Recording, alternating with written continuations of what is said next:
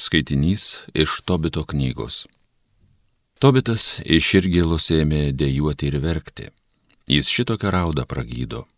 Viešpatie, tugi teisingas, teisingi visi tavieji darbai ir tavo keliai gailestingi ir teisūs.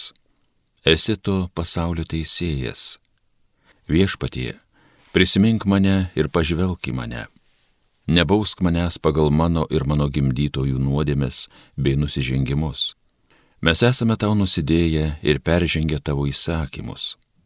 Todėl mus atidavai plėšimui, nelaisvė ir mirčiai, todėl mus apkalba pašiepia ir mums priekaištauja visos tos tautos, tarp kurių mus esi išblaškęs.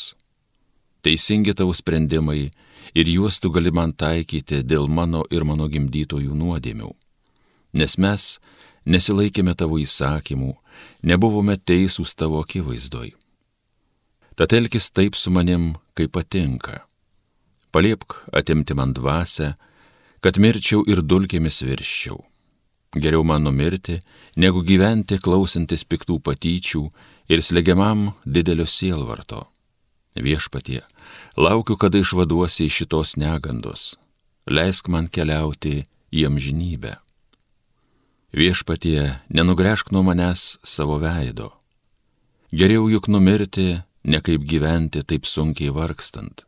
Aš pavargau, beklausydamas patyčių. Ta pačia diena medų Ekbatanoje Raguelio duktė Sara taipogi buvo pašiepta savo tėvo tarnaitės. Ji buvo ištekinta už septyneto vyrų. Tačiau piktasis demonas Asmodiejus visus juos nužudė prieš jiems pradedant su jie vedybinius santykius. Tarnaitė jai ir išdrožė. Pati tu žudai savo vyrus, septynis turėjai, ir ne su vienu nebuvai laiminga. Ką tu mums tauški, jeigu jie mirė, keliaugi su jais. Mes amžiais nenorime matyti iš tavęs sūnaus ar dukters. Tai išgirdusi, labai nusiminė, pradėjo verkti ir nuėjo į savo tėvo kambarį kartis. Bet paskui pagalvojo, ar mano tėvą turėtų vainuoti, juk jam priekaištautų turėjai tik vieną mylimą dukrą ir toji nelaimiai pasikorė. Aš nesukelsiu tėvui širdgėlos, kuri jo amžiuje jį nuvarytų mirties karalijon.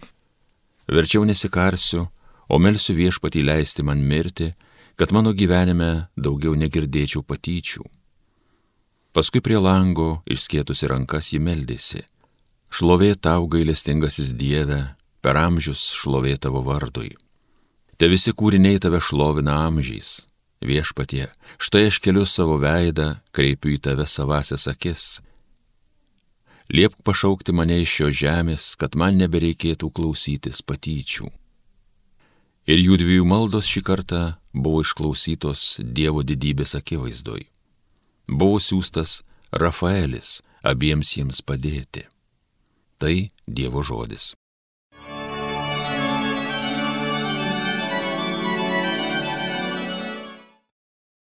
Mano širdis į tave viešpatie kyla.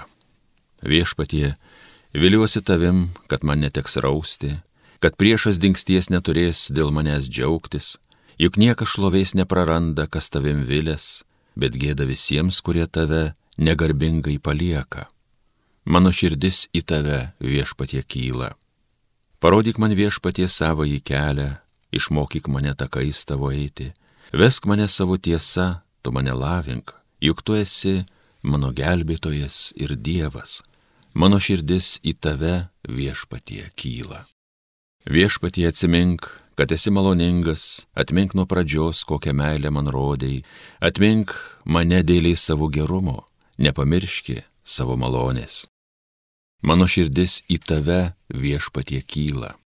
Tiesus malonus yra viešpats, todėl įklystantiems kelią parodys, kukliųjų mintis kreips į tiesą, savo keliu mokys eit nuolankiuosius. Mano širdis į tave viešpatie kyla. Alleluja, alleluja, alleluja. Aš esu prisikėlimas ir gyvenimas, sako viešpats, kas tiki mane, neragaus mirties per amžius. Alleluja.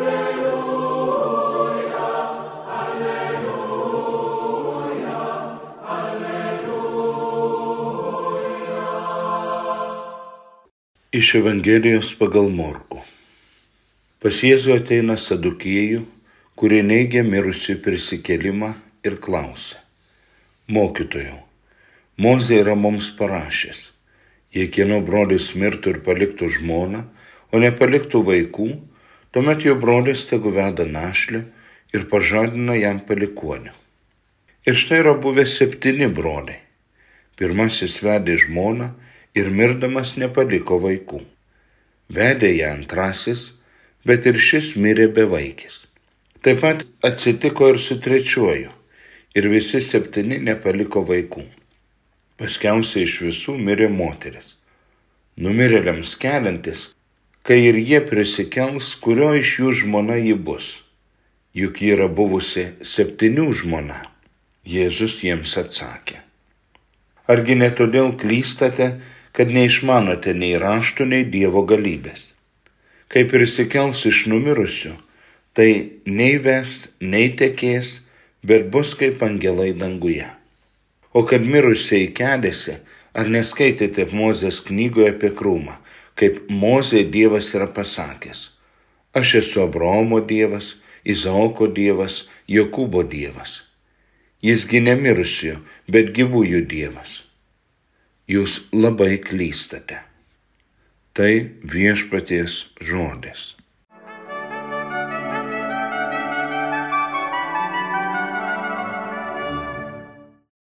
Šios dienos Evangelijos pagrindinis klausimas - mirusių prisikelimas. Šiuo klausimu galimos trys pagrindinės laikysenos. Pirmoji - tikiu arba noriu tikėti. Antroji - netikiu Ir trečioji, man bent jau šiuo metu šis klausimas nerūpi. Pas Jėzų atėjo sadukieji ir antrosios laikysenos.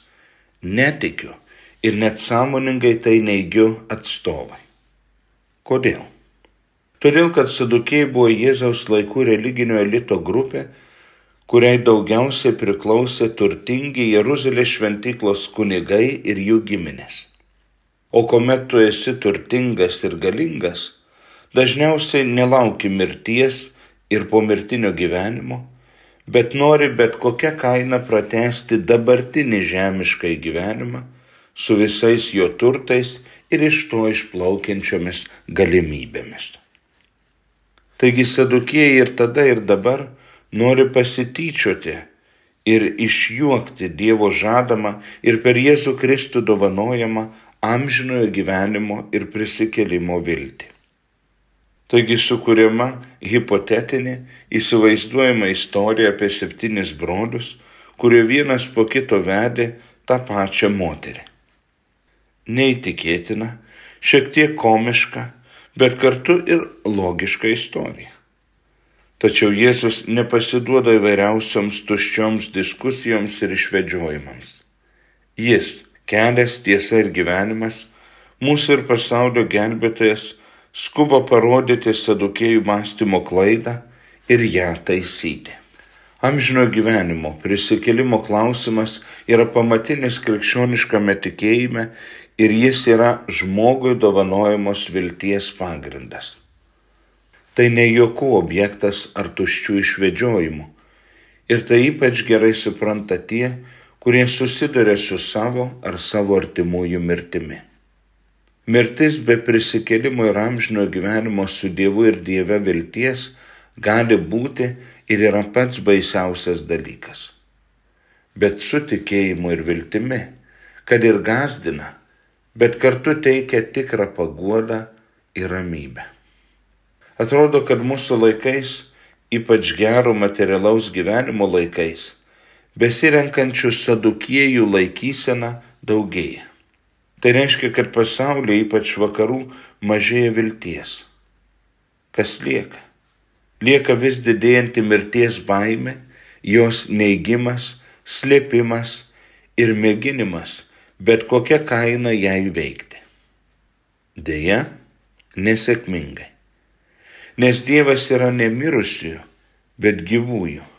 Ir prisikelime nei vesim, nei tekėsim, bet būsim kaip angelai danguje. Klausant iš šios dienos Evangelijos, man dažnai prisimena prancūzų matematikas, filosofas ir religinis mąstytojas Blais Paskalis, po kurio mirties jo palto pamušalo kišenėje rastas įsiūtas lapelis. Jame atsivertimo patirties aprašymas. 1654 metai, lapkričio 23 diena, vidurnaktis. Ugnis. Abromo dievas, Izaoko dievas, Jokūbo dievas, bet ne filosofų ir mokslininkų dievas. Džiaugsmas, džiaugsmas, džiaugsmas, džiaugsmo ašaros, tikrumas, tikrumas. Taigi Blais Paskalis savo atsivertimo patirtyje iš filosofo, mokslininko tampa tikinčiuoju. Jau nebe filosofas, jau nebe mokslininkas, dabar jau tikintysis tikruoju ir gyvuoju Dievu. O stebuklingoji Krekenavos Dievo motina, malonių versme, palidėk mus link gyvojo Dievo vilties, savo sunaus, mūsų viešpatės Jėzaus Kristaus švenčiausios širdies, prisikėlimo ir gyvenimo. Amen.